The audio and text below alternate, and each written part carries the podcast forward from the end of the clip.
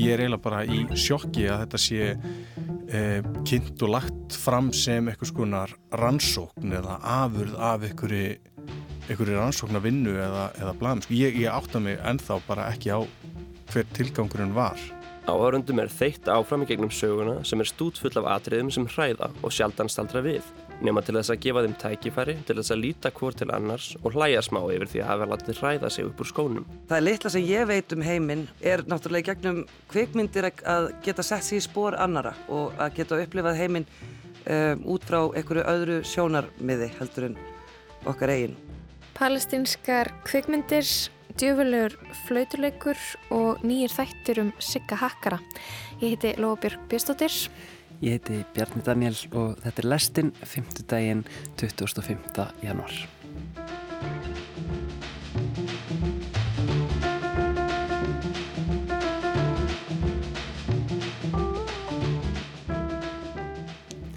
Það verður svolítið um gláp hér í lestinni í dag. Við ætlum að uh, pæla svolítið í sjónvarpi og uh, kvikmyndum með það ekki, Lóa. Jú, emitt og við ætlum að byrja á nýjum umdeldum heimildatháttum. Þetta eru þættir um Sigurð Þorðarsson, Sigga Hakkara og það eru Danir sem byggja hann til. Leikstjórin er Óle Bentsen og framleiðandin er Sören Sten Jespersen. Þeir hafa verið ansi umdeldir í umræðinni á Íslandi undarfarna daga. Við ætlum að heyra meirum þessa þætti. Working for Wikileaks was uh, you know, quite exciting times. And uh, I can't say it was boring. I can't say it was uh, not exciting. It was really exciting, you know, especially being 17, 18 or 19 years old, having access to classified military records. The feeling was amazing, you know. The feeling was like in a Hollywood movie where you access Þættirnir að Dangerous Boy segja sögu Sigurðs Þorðarssonar eða Sigga Hakkara. Danskir heimildamöndagjara menn fylgdu honum eftir í um tíu ára skeið. Markmiðið var að skilja hvað fær Sigga til að tekka. Og nú eru þættirnir aðgengilegir íslenskum áhörvendum á stöðu 2. Um leiðaður fóru í síningu vöktið er mikið umtal og í einhverjum tilfellum reyði. Blaðamæðurinn Bjartmar Aleksandersson sem kemur við sögu í þáttunum er ósattur en Wikileaks er eitt umfjöldunarefni þáttuna og sömulegis viðtal Bjartmars við Sigga. Þar kemur ljós að Siggi á að hafa logið að FBI í vittnesbyrðu sínum um Julian Assange, stopnanda Wikileaks. En svo mætir bladamæðurinn Kristjón Kormákur á svæðið og segist hafa skrifað greinina hans Bjartmars og fyrir það hafa hann fengið greitt frá Wikileaks. Þetta verður allt mjög rugglingslegt. Kristinn Rapsson, reittstjóri Wikileaks, hefur líst yfir mikilli óanægu með þættina. En fyrir utan það sem tengjast Wikileaks samtökunum og þessari umrættu grein, þá eru það brótaþólar Sigga sem að koma upp í hugan. En hann er dæmdur kynferðisbrótamæður og aðstandendur eins þólenda hans, foreldrar drengs sem að tók sitt eigi líf árið 2016, segja í aðsendri grein á vísi á dögunum. Það að stöð 2 hafi keift þessa þætti og sínt byrju vottum domgrendaleysi sem að jæðrar við síðleysi. Síðan er höfuðu bitið af skömminni með óvönduðum fréttaflutningi um þættina á vísir.is, allt til að græða pening. Víkilíks fréttasinnur í bland við skot af íslenskri nátturu í bland við fangelsis heimsóknir og lýsingar á ofbeldi. Þannig mætti lýsa þessum þáttum í grófum dráttum og hingað eru komin til þess að ræða þessa þætti. Blagamæðurinn Alstedt Kjartansson á heimildinni og heimildamindagera konan Ramhildur Gunnarsdóttir. Verður velkomin. Takk. Takk fyrir. Um, fyrsta spurningum minn er kannski hvernig leiðið ykkur að horfa á þessa þætti? Um, já, þetta var áhugavert að því að ég svo sem hafði ekki uh, mynda mér neina skoðun á uh, Sigur Sigga Hakkara. Og hérna þannig séð fannst mér að hluta til þetta mjög áhugavert umfjöldunarefni en fljótlega fór mér að liða mjög ítla uh, þannig að það var sérstakt að sjá uh, greinilega alveg óheftan aðgang sem að þessi ungi maður fær að fjö, fjölmjölum þess að í gegnum þessa mynd. Hann talar þarna sleitulöst í fjóra þætti nánast. Og uh, þetta var bara mjög undarlegt ferðalag. Mm. en sko það er mikið af arkívefni þarna inn á milli og maður fyrir að horfa á sögun þetta er náttúrulega mjög áhugaverð saga, saga Wikileaks og Julian Assange og, og hlutur Íslands í öllu því ævintýri. Þannig að, að þannig séð er þetta um, viðfangsefni mjög, mjög áhugavert. En maður sá líka stundum mjög andlega veika einstakleika að vera að tala og það er kannski þar sem að siðleysið kemur fram og, og líka þessa umfjöllunum þessi fórnalömp sigga, kynferðisbrotin sem að framti mm.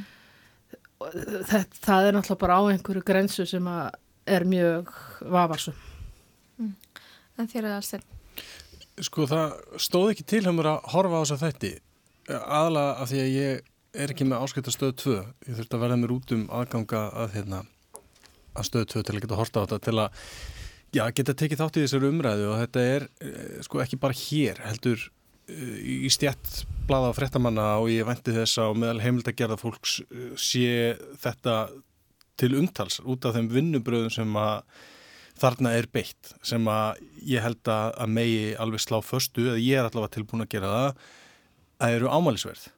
Um, og, mér, og mér brá þegar ég horfið á fyrsta þáttin og þar er bara verið að leggja upp málsvörn uh, manns sem að hefur verið dæmdur fyrir ítrykkuð brot á unglingspildum og það er verið að setja þetta með alls kom bæði sko með orðum og með myndmáli í það samhengi að, að því að Siggi eða Sigurður uh, tekur þátt í að leka einhverjum gögnum, er varða mælstón sem að tengist einhverjum íslenskum áhrifamönnum að þá sé þessi valda klíka á Íslandi að ná sér niður á honum með því að sannfæra foreldra þólendans að leggja fram kæru. Og þetta er, þetta er bara ábyrðulegst og, og frekar ógislegt ef ég lefði mér bara að nota hérna, gott íslenskt orðið yfir þetta.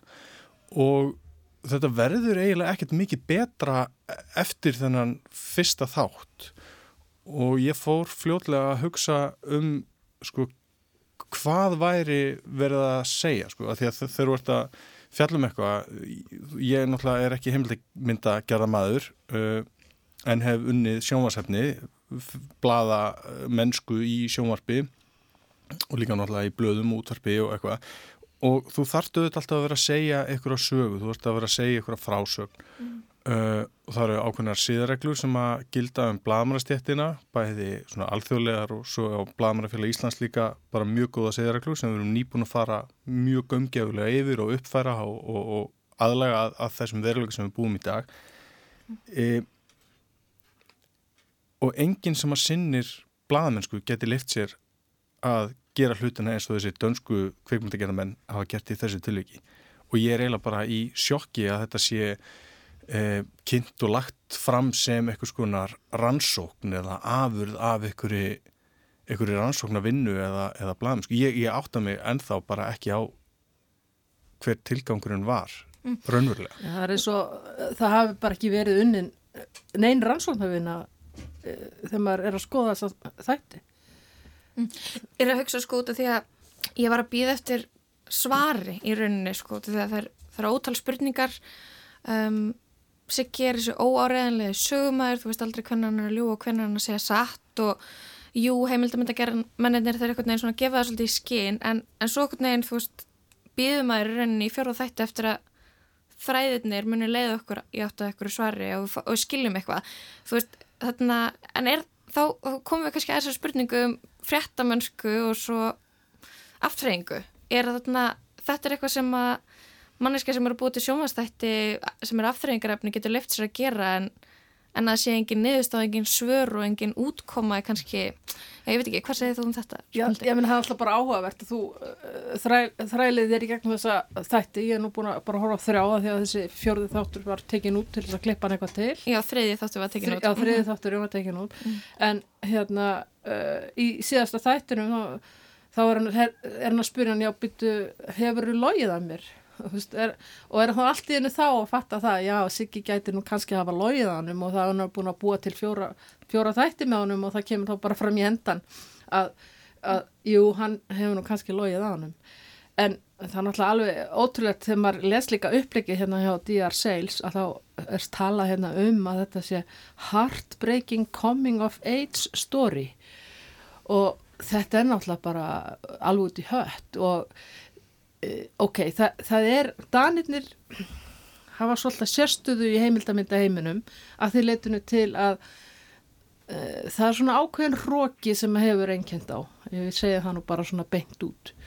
Uh, þeir verðast hafa aðeins meiri peninga og, og þessir uh, heimildamynda gera menn og þessi framlegandi Sörenstein hann gerði nú freka fræga mynd sem heit Last Men in Aleppo sem fjallaði um kvítuhjálmana sem síðar kom nú í ljósa var nú líka bara mjög þrælpolítisk mynd uh, og þetta, þetta svona hefur líka að einhverju leiti það upplega, þetta sé svona einhvers konar pólitísk mynd til þess að uh, aða leðju á ekki að sigga heldur allt sem hann kom nálagt og vikilíks þá helst.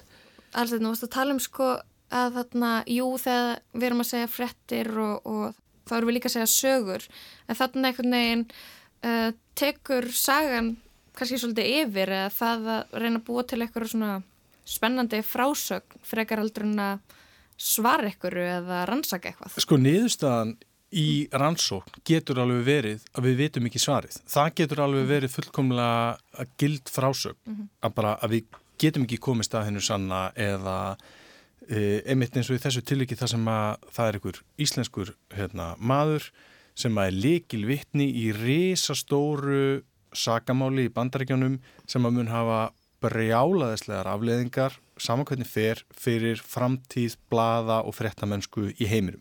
Mm. Þetta, er, þetta er á svona þeim skala, þetta skiptir verulegu máli og það getur alveg verið niðurstaða að leikil vittnið sé svo óáreðanlegt að eftir að hafa eitt öllum þessum tíma að þá veitur ekki ennþá hvort að við komum til að segja satt eða ekki og hverju er hægt að treysta og þar fram til gödunum. Það getur alveg verið niðurstuða. En upplegið í þáttunum er alls ekki það. Upplegið í þáttunum verðist vera, og nú skal tak, það tekið fram að ég hef unnið með Wikileaks og ég hef unnið, þó ég hef ekki, ég hef aldrei haft samskipti við Julian Assange eða, eða Hittan eða, eða neitt slíkt, eh, en ég hef unnið úr legum upplýsingum sem að koma þær í gegn. Mm -hmm. Og svo byrtist þessi grein sem er til umræði þáttunum á stundinni þar sem að þú Já, já, það, það var reyndar áður en ég byrjaði að vinna já. þar en, mm -hmm. en sýsti mín var reittstjóri stundarinnar á þessum mm -hmm. tíma og, og það eru tengingur út um allt mm -hmm. í, Íslandi lítið og, og hérna allt það e, en upplegið í þessum þáttum virðist aðalega vera að reyna þyrla upp einhverju reiki um hvernig maður Julian er og hvernig samtök Wikileaks hafa verið og til þessir fengin maður sem hefur ítrekkað dæmdur fyrir kynferðisbrot kakvart börnum fyrir fjársvik. Hann uh, tala nú um það að tala við hann meðan hann situr uh, í gæsluvarhaldi á Lillarhaunni uh, að býða þegar að vera rannsakan fyrir sko, peningaþvætti og fjársvik. Og þetta er maður sem er dregin fram sem einhvern veginn svona með eitthvað authority gagvart því einhvern veginn Já, ég veit ekki, veit ekki almennilega hvernig er þetta að orða þetta, því að þetta er, þetta er bara svo skrítið. Þetta er mjög skrítið og, og kemur, þetta er alveg að horfa rétt hjá þér og það sem að ég hugsa er hver í raun og veru fjármagnaði þessa mynd, það er það sem að mér langar til að vita vegna þess að, mm. að þessi, þessi Sören Stein, hann gerði þessa Last Men in Aleppo sem var mjög politísk og ég var áhugavert að kanna það til fullnustu hver fjármagnaði myndina, hver hefur hagaði að að hlutinni séu settir svona fram. Já og einmitt e, ef að við hérna, horfum þetta á þann punkt að því að það er mikið gert úr því í myndinni að það sé verið að beita einhvern veginn íslenskum laurugliðuvöldum og nú er ég bara þar í lífinu, ég trúi því alveg að það sé hægt að beita laurugliðuvöldum í þáu eitthvað abla. Mér finnst ég bara að vera að upplifa það sjálfur í gegnum þá lauruglur ansók sem að beinist mér og nokkrum öðrum blaðamörum í Íslandi. E, en ef við tökum bara það, að, bara á face value, við bara ákveðum að trúa því sem að þarna er sett fram í myndinni að fjölmilar og stjórnvöld á Íslandi og bara ég veit ekki hverjir eru ekki þáttækndur í því samsæri að reyna að draga og trúverðuleika segurðar e, fyrst og fremst út af einhverjum mælstóngögnum hvernig ætti þetta virka öðri sér þá gagavart Julian sem að það er miklu meira undir. Þannig við að tala um sko raunverulegar affjúpanir á, á einhverju sem að geti verið talað um sem stríðskleipi þarna er verið að affjúpa samskipti bandaríkjana sem eru bara fullkomlega óeðleg og ekki bara í þessu þyrlu árásar myndbandi sem kom Wikileaks á kortið, heldur bara í, í þessum legum sem hafa byrst síðan. Og Wikileaks er ennþá starfandi samtök, sko, það er svona pínu verið að gera því skona þarna að hérna, að Julian hafi bara orðið klikkaður og, og hérna, mm -hmm. sé bara að hafi lokað sér inn í þessu sendiræðu og verið með eitthvað vænisíki og það hefði algjörlega breytt allri starfsemið Wikileaks, auðvitað hefur það áhrif ef að reittstjóri fjölmiðil sem svo Wikileaks e, situr í stofafangilsi eða, eða örgisfangilsi en þessi samtökur eru sannlega ennþá starfandi mm. þannig að svona meira sé að þó að við séum bara tilbúin að leifa kveikmyndagjana mörunum að njóta alls vafa og bara að þetta sé allt satt að þá parast það illa við samt söguna sem að þeir eru að, er að segja. Kanski uh, getur verið að heimildabend að gera mennir, kannski veit ekki alveg hvað sögu þeir eru að segja. Ég sé hérna í grein og vísi þá segir framlegandin Tróls uh, Rasmussen sem er dagskrástjóri Pipeline sem er kveikmyndafyrirtæki sem að framleiði þættina segir hérna á vísi um, að þeir hafi rauninni haft áhuga á því að skilja hvernig hugur sigga virkar án þess að vera blindir á glæpans og þeir eitthvað neginn vissu að, að þetta erði ekki e, vinsælt í svona litlu samfélagi eins og á, á Íslandi. Þannig að jú, Wikileaks er ótrúlega fyrirferðar mikið hluti af allir þessari sögu en hann útskýrur þetta sem í rauninu bara já, eitthvað svona karakterstúdíu á, á manni sem að hefur gert og lendi í ótrúlegum hlutum. Já, ég meina það, ég veit ekki hvað ég var að segja sko, því að mm. hérna þeir þeir einhvern veginn bara hafa lofað hann um að mala, hann er búið til mjög sérstakt samband við hann, hann er greinilega á einhvers konar eitthvað, eitthvað svona einlegt samband við Sigga hérna, leikstjórin mm. en hérna en það er eins og að já ég veit ekki hvernig ég kommentar á þetta mm. uh, myndin er bara þetta, hún er í siðferðislegum vanda finnst mér mm. Ok, mér langar að spyrja út í það út af því að foreldrar Bergsnæs um, mótmæltu þessari, þessum þáttum mjög mikið og og útkoman úr því var allavega að það var sena klift úr þriðaþætti þar sem að þarna hann Siggi fyrir að heimsækja leiði Bergsnæs. Ósmökla heitin alveg í toppi. Já, þannig að ég er reyna að velta fyrir mér um, er þetta eitthvað öðruvísi samt heldur en bara svona aðrir trúkræm þættir sem eru framleitir um, af, af hverju meiga dansku heimildamandagerðamennir ekki sína okkur þetta og er það, er það þarna?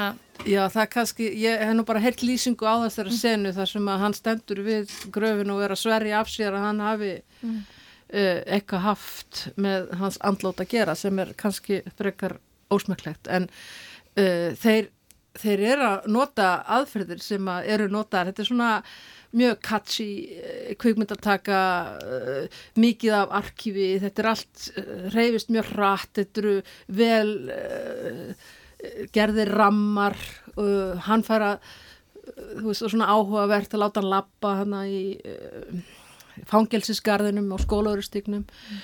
uh, þetta er allt einhvern veginn mjög sexy, þetta er einhvern veginn svo danst að ég uh, sem er, sem er mjög áhugavert og þetta er svona það er ákveðin krísa finnst mér í heimildamindagerð uh, og það er oft verið að setja hlutina fram á svona máta til þess að augra og til þess að fá viðbröð og þú veist, það er ekki gert með einhverju aðgátt skal höfði í nærveru sálar. Og því miður að þá það sem að gerist er að þú veist, þegar að fóröldrar Bergs koma með þessa yfirlýsingu sem ég skil mjög vel að það, það gerist kannski það þverju við það sem að maður hefði vilja gerast veist, uh, þetta blæs upp veist, fleiri fara að horfa. Uh, þú veist, því ég hef alltaf þegar ég hef verið svona í einhverju ég nú verið formaður fjalla og, og stundum hefur maður verið í, í slagsmálum og ef að það er eitthvað sem maður vil ekki að neitt takja eftir að sé þá tala maður ekki um það.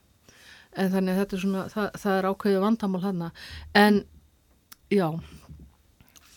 Já, í mínum huga þá er sko svona stóra vandamálið í þessari kvikmyndagerð sem er einmitt mjög svona áferða falleg, eða svona framleiðslan er óbúslega fagleg sko þá er ég að tala um kvikmyndatökuna og, og eftirvinnsluna og annað sko. E, og, og það náttúrulega færir þessum þáttum eitthvað skonar sko lögmæti eða eitthvað svona gildi þetta sé, sé bara þægilegt að horfa á þetta fyrir augað.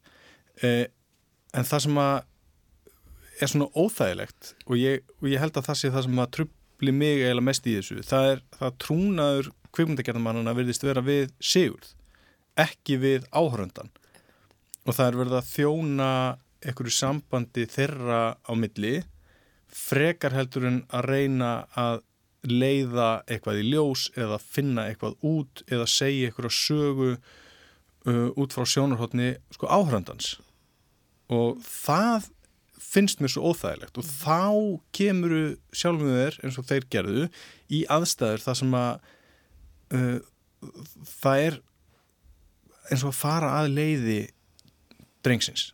Það þjónar engum tilgangi fyrir þættina annað heldur en að að gefa sigur því tækifæri á að vera einhvern veginn svona mennskur og, og hérna, sverja af sér einhverjar sakir sem að allir sem hafa skoðað það mál e, bara já, ég veit ekki hvernig ég get orðað að smeklega, ég held ég get ekki orðað að smeklega þetta er bara sko að því að frétta umfjöllun eða bladamennska eða heimildamöndagerð getur aldrei og, og það er svona, þetta er ekki vinsal afstæða en hún getur aldrei verið algjörlega á forsendum þess sem að hefur þólað harm.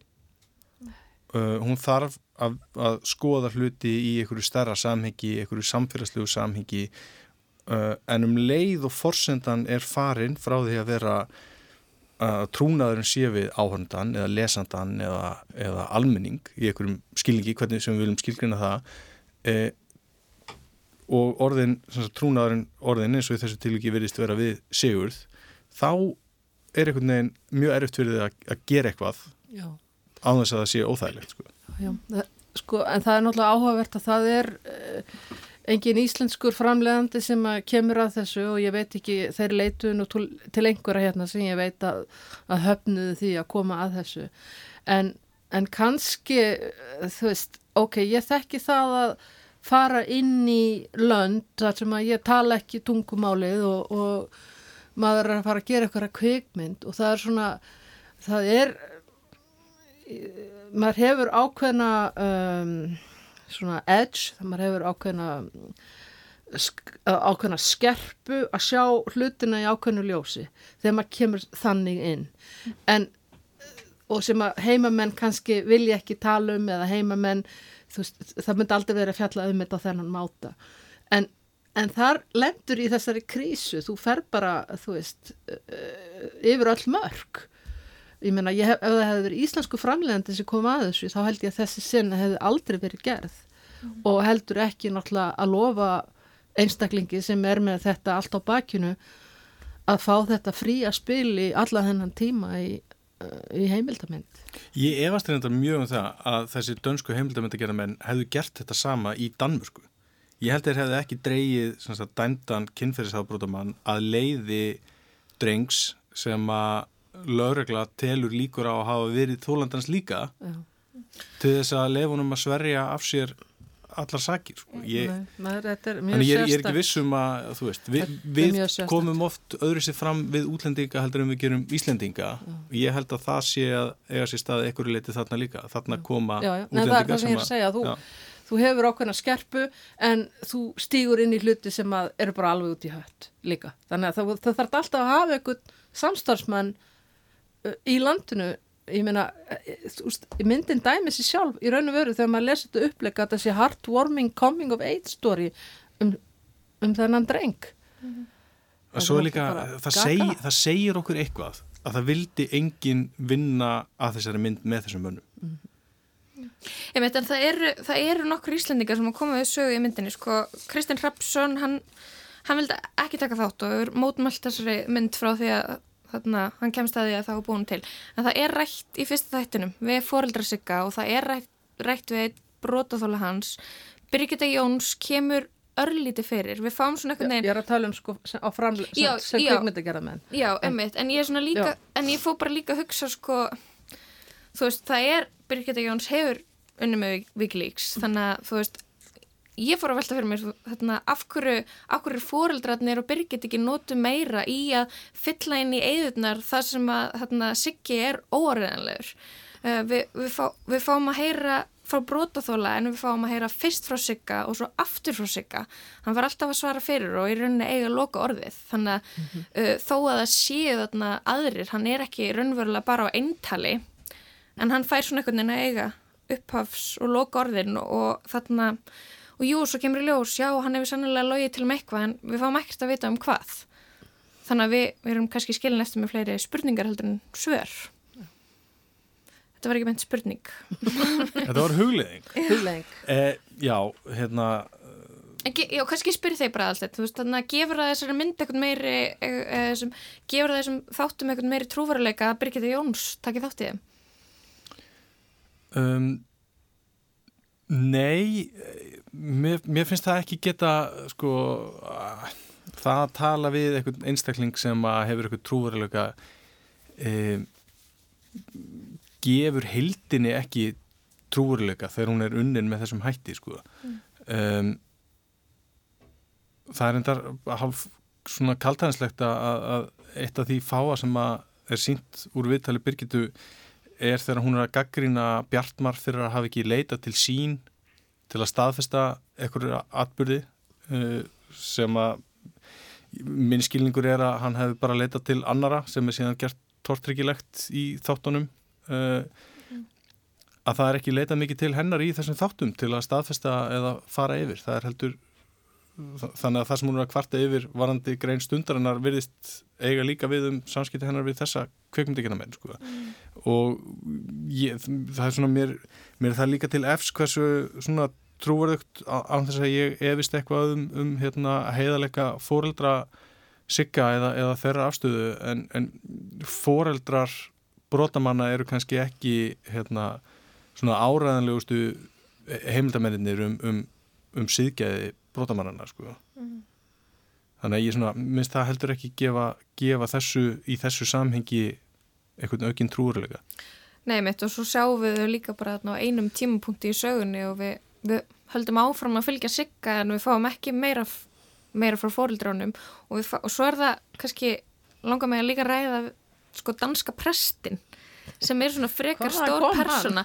Hann, hann er alveg mjög stór persóna í þessum Já, þáttum og það er líka bara alltaf því sko, alltaf, ég, nei, ekki ég ætla ekki að segja glæpsanlegt þetta er ekki glæpsanlegt en þetta, það, það, og það orkar mjög tvímalis að hann sé dreyin þarna fram strax í upphafi í þessum prestsklæðum inn í íslenskri kirkju eins og það sé kirkjan hans á meðan þetta var leiðtói í pínu litlum sértrúasöfniði sem að gerði út af Reykjavíkurflugulli og, og hann er svona teiknaður upp sem eitthvað svona móralst authoritet til þess að segja okkur að Sigurður sé ekki bannan í ykkur eftir að hafa verið dæmdur fyrir kynferðisbrot gagvart Já, lásuð þeir, ekki dómskjölin, ég meina það mætti ætla að þeir hefði ekki gert það.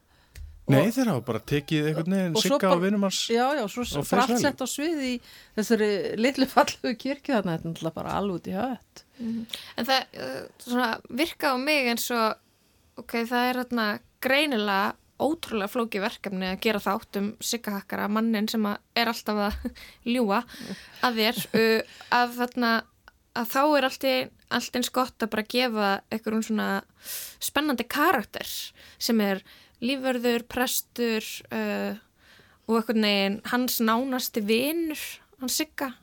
Og öll þessi stönd, allt sem þeir eru að gera allt þetta piparúðadæmi og þess að bissu æfingar um nótt mjög spennandi myndefni og mjög sérstakku karakter.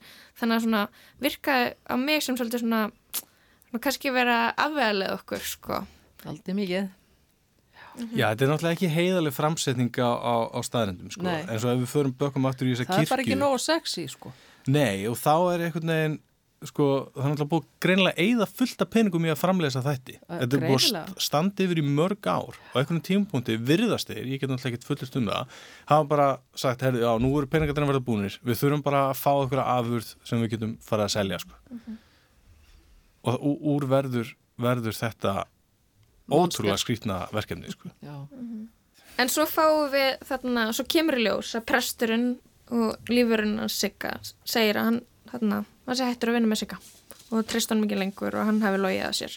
En Siggi kemur ekkert voða vel út úr þessari mynd. Hann gerir það ekki þú veist, það, þú veist, það er ekki eins og þetta sé heartwarming coming of age story sem endar vel. Það er náttúrulega bara mjög skrítin skrít, skrítin framsetning og, og hann, hann í raun og veru græðir ekkert á þessari mynd sko, svo í endan einmitt, um, aðeins, hvað hva innleg heldur þetta sé í vikilíksmálið og Assange? Breytir þetta ykkur eða er þetta bara... Nei, þetta þyrla bara upp einhverju, einhverju ríki sko. þetta, bara einhvern veginn fær okkur til að vera að tala í bara í ringi um eitthvað sem að efnislega skiptir engu máli uh, varandi þetta mál sko. Þessi mynd breytir engu um það að Sigurður er verulega óræðalegur heimildamæður um bara nokkuð skapaðan hlut líkil vitni í þessu máli sem eins og ég sagði áðan hefur ofbóðslega mikla og mikilvæga þýðingu fyrir framtíð blaðamennsku bara í heiminum. Algjörlega. En, en þetta er, sko, þeir sem að vilja sjá það að Wikileaks sé eh, óheiðalegt út úr þessari mynd, þeir geta gert það. Já, já, algjörlega. Og kannski var það pointið með myndinni, ég veit það ekki. Nei, ég, ég er ennþá alveg að týndur yfir því hver maður er er með þessu. Ég sko. reynda þarf að sjá þennan þriða þátt til þess að stagi öll göttin en hérna. Sko, þarna, já, gerði stöð tvö eitthvað af sér siðferðislega með því að kaupa þessa mynd og sínuna.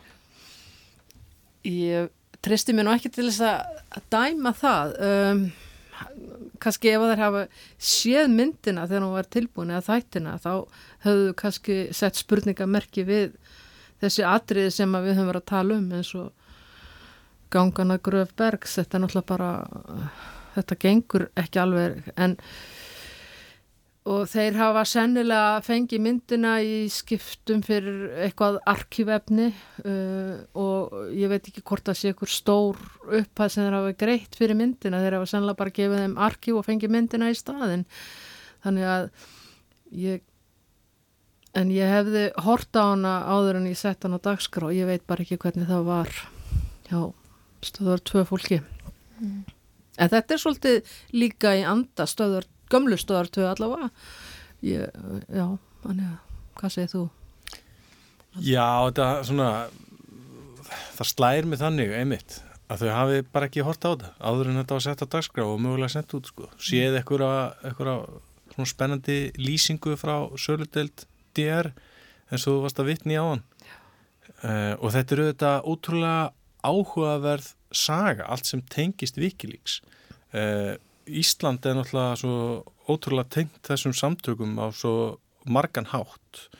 Og saga Sigurðar er líka ótrúlega klikkuð og þú veist, við, við sjáum það bara á vinsaldum eitthvað svona uh, true crime hlaðvarpa og, og, og allar þessar Netflix heimildamynda um, um hérna glæpamenn og morðingja og svikara og svikarhappa hvort sem það eru heimildamindir eða leikið efni Já, sko. ég meina það er bara þess að heiðalög hérna, heimildamindir, þær fá ekkert inni, þetta þarf að hafa eitthvað morð, er þetta að drepa eitthvað eða þú veist, það, það er bara það sem er í gangi núna Netflix væðingin hefur eðilegt mjög mikið og þú veist, og, og við heimildamind að gera með tristum svolítið einmitt á rúf til þess að, að það sé allavega komið áhugaverðu efni að sem er ekki verið að slá hlutunum upp á þennan sama máta og þessir blessuðu danir. Herru, hérna, látum þetta bara vera lúka orðin. Takk fyrir komuna Aðalsteinn og Rafnhildur.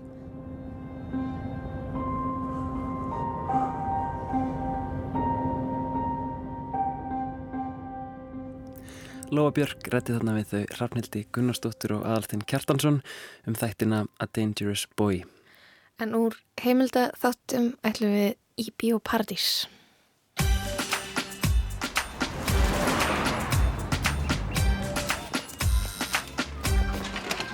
أهلا ابو شاد إحنا من جايين نزعجكم بس حابين تشرفونا على عروس أمان بس الواجب واجب يسلموا ايديك سايقين بعدنا عم نوزع المكاتيب بعد لنا بس 340 مكتوب اه مجبورين بيت بيت على الطريقه النصراويه يا ريتك معنا هون حالك ساكن مع سلمى اسمها ندى يابا Bíótekið er verkefni á vegum Kvikmyndasafns Íslands í samstarfi Bíóparadís sem heldur mánæðilega síningar á völdum íslenskum og erlendum bíómyndum og á sunnudaginn kemur 28. januar fer fram fyrsta síning ársins um að ræða úrval kvikmynda frá Palestínu tvær stuttmyndir síðdegis og tvær myndir í fullri lengd þegar líður á kvöld Ester Bibi Áskistóttir er verkefnastjóri hjá Kvikmyndasafninu og eh, sér um bíótekið og er sérst hingað borðið lestina til að segja okkur betur frá þessu öllu saman. Velkomin Ester. Takk fyrir. Um, viltu kannski byrja að segja okkur aðeins frá dagskráni núna á, á sunnudaginn? Um, já, uh, við byrjum á, eins og þú saðir, uh, tveimur stuttmyndum frá, frá Palestínu. Um, hérna, allar þessar myndir sem við erum, erum að sína núna eiga sammeinlegt að hafa unni til alþjóðlega veluna, ef það er eitthvað, þannig að, þannig að þetta eru mjög góðar myndir, úrvalsmyndir. Uh, fyrirmyndin, stuttmyndin heitir The Present og hún segir frá uh, því hvernig uh, fólk á vestubakkanum þarf að fara að kaupa brúðköpskjöf og hvernig það reynist eitthvað ótrúlega stórt og seinlegt verkefni vegna þess að þau þurfa að fara í gegnum alls konar, um, hvað heitir þetta, landamæri, hérna, Mhm. uh, Check- hlið, checkpoints. checkpoints, já, Já, já. og hérna, og, og þurfa þar að sína, sína fram á alls konar skiliríki og þetta er allt saman gert mjög tafsamt og erfitt og myndin er um það, að, sem sagt, fadir fer með dóttur sinnar að leita að gjöf Mhm. og, og hérna og setni myndin heitir hérna A Boy, Wall and a Donkey og er bara fjóra mínútur en er ótrúlega skemmtileg mynd um litla stráka sem að ætla að ráðast í kvikmyndagerð en eiga engan, engar græður til þess þannig og þeir taka til sinna ráða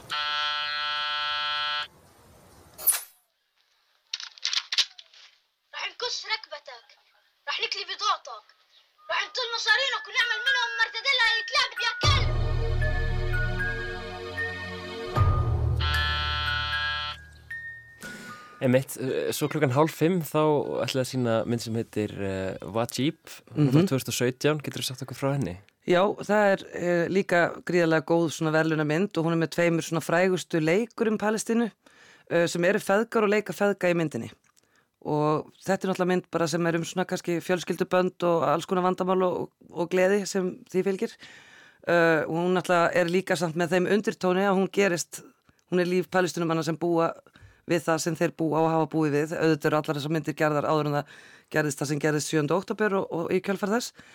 Uh, en enga síður það var náttúrulega ýmislegt sem að fólk hafi búið við fram að því.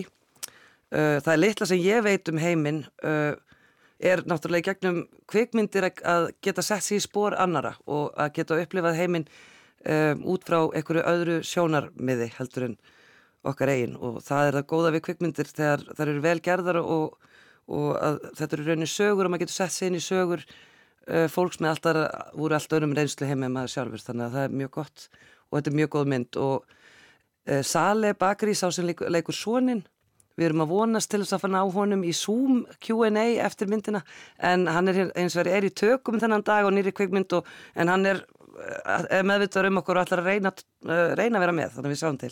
En hann hins vegar leikur líka í síðustu myndagsins, The Time That Remains, eftir Elías Suleiman. Þannig að kannski næra hann að koma í síðasta Q&A, við, við sjáum til.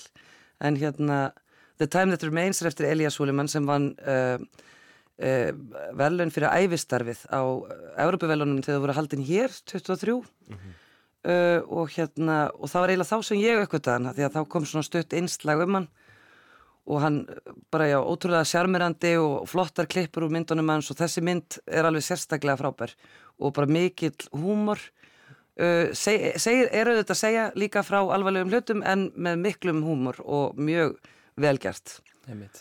Uh, og ef sko fyrirmyndin kannski fjalla svolítið um svona hverstasleikan þá, þá er þessi kannski aðeins uh, pólitískari eða hún fjallar svona kannski á, á beitni hátt um sögu þessara átaka uh, í, á þessu svæði, ekki satt? Já. Jú, nákvæmlega.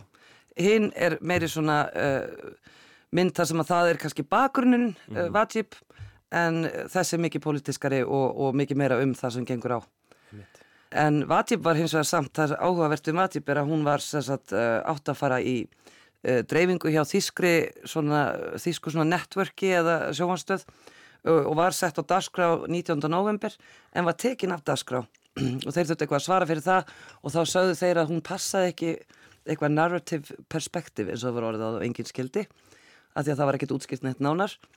Uh, og sem er mjög skrítið af því að þetta er bara venjuleg fjölskyldumynd í rauninni og þú veist, tekur á því sem að fjölskyldur þurfa að takast á við en passar ekki inn í eitthvað sem þeir vilja halda fram um reynslu heim þessa fólks. Og þau eru náttúrulega, við fórum að veltaði fyrir okkur hvort það sé vegna þess að myndin er um kristið fólk og hvort að það sé ekki eitthvað sem að fólk á að hafa í huga þegar það hugsa um Palestínu. Já. Að það sé svona fjölmenningalegt samfélags og, og það sé ekkit allir, en við um öll að ég myndi okkur að þau séu öll eins og öll í Hamas eða eitthvað, en það er náttúrulega bara ekki sannleikurinn.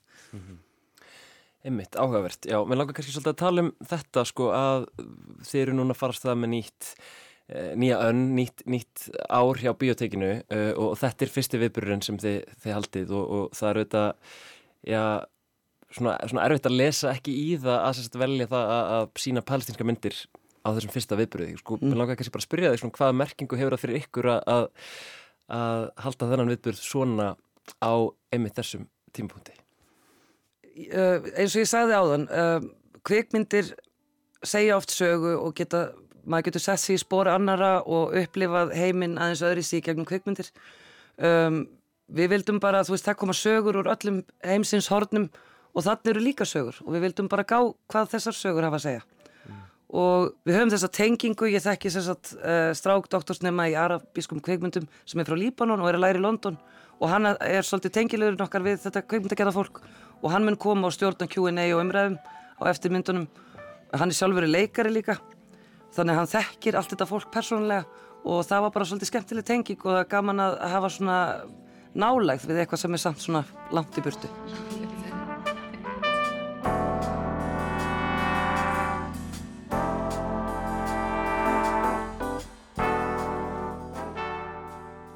Herligheitin hefist að sundaginn klokkur þrjú ekki satt? Jú, og er í Bíóparadís ef ég verði búin að segja það. Já, nákvæmlega.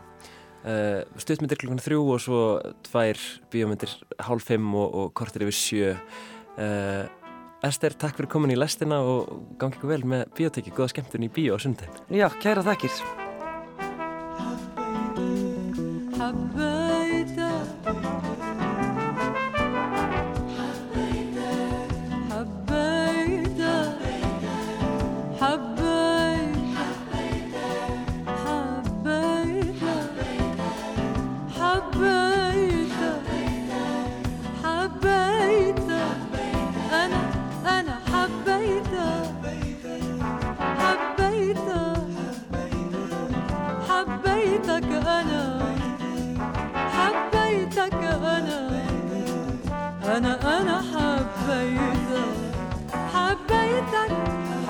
حبيتك حبيتك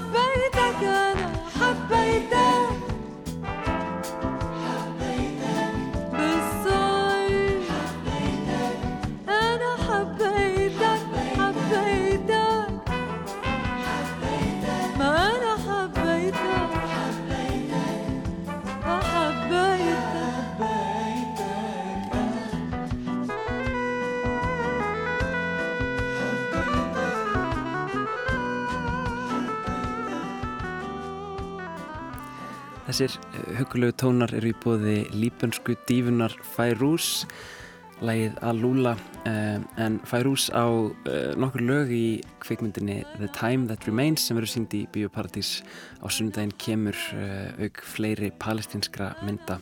Og ég var beðin að koma þig líka áleiðis að það eru fleiri sem taka þátt í spurt og svarað eftir bíósýningarnar á sunnudaginn. Það verða Ísolt, Ísolt Uggadóttir og Fahad Jabali sem eru bæði kveikmyndagjara fólk og þau verða þarna með Jamal Awar. Uh, já, þannig að það stefnir í líflegt kvöld í Bíóparadís í bíótekinu. Einmitt, um, við ætlum að halda okkur í bíó, um, það er hann Kolben Rastrik, kveikmyndagagrínandi lastarinnar sem að teku við. Hann fór að sjá nýja íslenska mynd, The Piper. Do you think I'll ever be as good as you?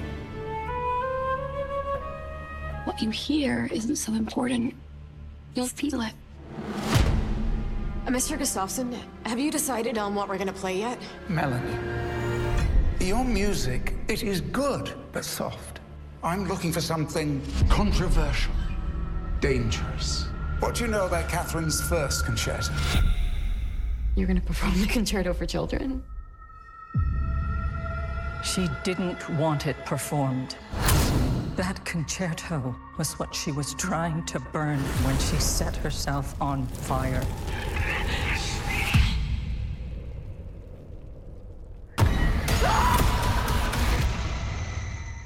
The Piper er fjórða mynd leikstur hans Erlings Thorotsen í fullri lengd og önnur myndin hans á ennsku. Allar myndir Erlings hafa verið innan hrollveikjugreinarinnar og var síðasta mynd hans, Kuldi, frum sínt síðasta vetur en hún er byggð á bók Irsu Siguradóttir. The Piper er eftir á móti frumsamið verk og skrifar Erlingur bæði handritið og leikstýrir. The Piper hefst á því að við sjáum miðaldra konu í örvæntingarfullu ástandi halda á litlum viðarkassa. Í kassanum eru nótnablöð og skriftin virtist benda til þess að sá sem skrifaði þessar nótur hafi verið í annarlegu ástandi. Konan hleypur út í gard með kassan og kveikir í honum og innihaldi hans. Um leið og eldtungur umleikja kassan heyrir konan vindin skyndilega ífa trén í gardinum. Eitthvað óhugnalegt er að fela sig innan um laufin. Allt í einu hoppar eldurinn úr kassanum yfir konuna og hún fyrrar upp á sveipstundu. Eftir stendur kassin óskemdur. Þessi óhefna kona var lærimistari og kollegi aðalpersonu myndarinnar, Mel, sem leikin er af Charlotte Hope. Mel er hljóðfaraleikari í Sinfoníu hljómsveit og einstæð móðir. Ég vonum að geta sanna sig fyrir hljómsveitastjórnum Gustafsson sem leikin er af Julian Sands á hver Mel hafa uppi á þessum nótnablöðum. Hún finnur nótnablöðin, kassan og upptöku af verkinu á háaloftinu í húsi læramestara síns. Nóturnar eru fyrir sinfoníu sem byggist á gömlu þjóðsögunni um rottufangaran frá Hamel. Eflaust þekkja margir söguna en í henni lofar maður að lokka alla rottur bæjarins burt með flautuleik sínum. Í skiptum lofa bæjarbúar Hamel að greiða honum peninga að launum en eftir að rottufangarinn líkur verkinu svíkjast þeir undan greiðslunni. Þá fíkur í rottufangaran og hann lokkar öll börn bæjarins út í stöðuvatn þar sem að þau drukna. Eina barnið sem lifir af er heyrnalu stúlka sem reynir að vara bæjarbúa við en það er um seinan. Þegar Mel hlustar á upptökuna vaknar rottufangarinn aftur til lífsins og byrjar að ásækja hana og alla sem hlusta á sinfoníuna, þar á meðal dóttur hennar og vininnar. Tónlistin heldtekur hana og aðra sem hlustuðu og bráttfara þær personur að hverfa eða lenda í ægilum hremmingum. Þeir sem hafa hort á sinn skjærf af hryllingsmyndum eiga ánefa ekki erfiðleikum með að vita í hvaða áttmyndin fer og það er í rauninni ekkert sem kemur á óvart í sögunni. Myndin leikur heldur ekkert með formið eða þau kunnilugur hotveikjustef sem í henni byrtast. Aftur á móti framkvæmur hún þessi atriði á mjög áhrifaríkan hátt. Það er ástæða fyrir því að margar af aðferðum þessari greinar eru endurnýttar trekk í trekk. Í stað þess að verða ódýri endurþekning á þeim tekst myndinni að nýta þessar aðferðir vel til þess að hræða úr áhöröndum líftoruna. Klippingin er einnig svo þétt og nýtmiðið að áhöröndum kemst ekki tækifæri til þess að leiðast. Þetta verður þó einstakasinnum til þess að atbyrðarásinn verðist óraugleg. Þetta er sérstaklega ábyrrandi snemma í myndinni þegar Mel fer að ná í nótunar á heimli látna lærimestari síns, Catherine, sem leikin er af Louise Gold. Þegar hún mætir tekur Alice, sýstir Catherine á mótinni og skipar henn að hunskast í burtu. Mel fer þá og felur sig og bílinn sinn í skójunum sem umkringir húsið. Sólinn sest og myrkur umlikur húsið og Mel stýur út úr bílum sínum. Það var kleift og Mell er allt í hennu komin upp á háaloftið í húsinu þar sem hún finnur nóturnar, spilar upptökun í botni og fer svo aftur út í bílinn sinn með nóturnar. Allt án þess að Alice sem býr í húsinu sjáu eða verði vörð við hana. Við sem áhrandur glæðjumst því sagan getur þar að lendi gengið upp en fyrir vikið verður heimurinn, tími og staður óraunverulegri. Þessi áhrif sem hrjá fyrir hlutan bæta samt sem áður sittni hlutan. Þar virkaði betur sem huglag upplöfun Mel sem er byrjuð að missa vitið og þar lendi missa hluta úr skinnjun sinni á hvað tímanum líður. Það hefði því verið skemmtilegt að sjá þennan hraða í framvindinu aukast smátt og smátt til þess að líka betur eftir rakandi hugarástandi Mel. Stöldrum þó aðeins við hús Katrín þar sem að Mel finnur nótunar. Það verðist eins og klift út úr klassískri gottneskri hryllingsmynd, gullfallett á sama tíma og að vekur ónatatilfinningu og óhugnað. The Piper á hrós skilið fyrir einstaklega velvalda tökustæði en það eiga þeir stóran þátt í að búa til og magna upp drungalegt andrumsloft myndarinnar. Eins er skrýmslið, rottufangarinn frá Hamel, mjög ókvækjandi stærstan part myndarinnar. Hann byrtist sem hættuklætt fígura höflin í skugganum og það er mjög áhrifaríkt þegar hann bregður fyrir í horni herbergja á milli trjána eða í bakgrunninum. Það er einhver frumstæður ótti í okkur við að sjá einhverju bregða fyrir í myrkrinu og þegar myndin nýti sér það verður við í áhrandasalum skítrætt. Myndin missir þó dampin undir lokin þegar rottufangurinn er síndur í allri sinni ógeðslegu dýrað. Þegar hann byrtist upplýstur og lítur út og orki úr ringadróttinsögu verður hann minna ókveikjandi. Það var þá góð ákverðun hjá Erlingi að láta hann ekki bara byrtast, heldur láta hann beinlein skrýða út úr líkama eins sinfoníuleikarans. Þegar sálfræðilegi hryllingurinn er orðin máttlaus er líkamshryllingur eða body horror sniðu átt að fara í. Síðasta hlutamyndarinnar tekst þó ekki alveg að halda í við það sem ávindan kom. Arfa léleg tölvugerð sviðismynd undir lokin, kjánaleg úrlaust og fyrirsegjanlegt plottvist sem gengur ekki alveg upp, lita upplifnuna sem var að mestuleiti góð hinga til. Það er einni erfitt að finna allt og mikið til með aðalpersonu sögunar Mel því Charlotte Hope er bara ágætt leikona. Barnaleikarinnir Eva O'Flanagan og Oliver Saville standa sig þó príðilega Julian Sands sem verður með hlutverk hljómsveitastjórans Gustafsson á líka leiksigur í ákveðnum skilningi. Hann er stórfurðulegur og alltaf á mörkunum að vera annarkort frábær eða fáranlegur. Hann er því alltaf langskemmtilegasta personan í senunni þegar hann kemur við sögu. Personum L hefði einnig mátt nýta betur til að búið til tengingu á milli hryllingsins og raunveruleikans. Tónlist róttufangarans stefnir lífi dóttur hennar í hættu og hún óttast að missa hana. Þetta hefði mátt tengja betur við þráhyggjum L fyrir tónlistinni. Hún var ekki einungis að missa dóttur sína vegna þess að eitthvað skrimsli ætlaði að nema hann á brott. Heldur var hún einnið að missa hana og tákra hann hátt með því að missa sjónar á lífinu sögum þráhygjunar. Rottufangarinn myndi þá spekla Mel og úrlustnin hefði bæði þýtt segur Mel á honum og sjálfur sér. The Piper ákveður þó að vera ekki að velta sér ómikið upp úr svona smáadröðum þegar hún stendur frammi fyrir mjög mikilvægara verkefni, að hræða áhöröndur. Myndinni svipar því að einhver leitil til draugareiðar í skemmtigarði eða haunted ride. Áhörundum er þeitt áfram í gegnum söguna sem er stútfull af atriðum sem hræða og sjaldan staldra við, nema til þess að gefa þeim tækifæri til þess að líta hvort til annars og hlæja smá yfir því að hafa látið hræða sig upp úr skónum. Engin tími gefst til þess að velta sér upp úr hlutunum, en það var það aldrei markmiðið. Ég og vinnu minn sem fylgdi mér á þessa síningu uppgötuðum daginn eftir að við sáum myndina að við höfðum báður fengið undarlegar martræðir um nóttina. Við vöknuðum víst báðir skítrættir og kveiktum strax ljósinn. Ef það er ekki merkjum að því Piper hafi tekist ætlunverk sitt, þá veit ég ekki hvað væri það.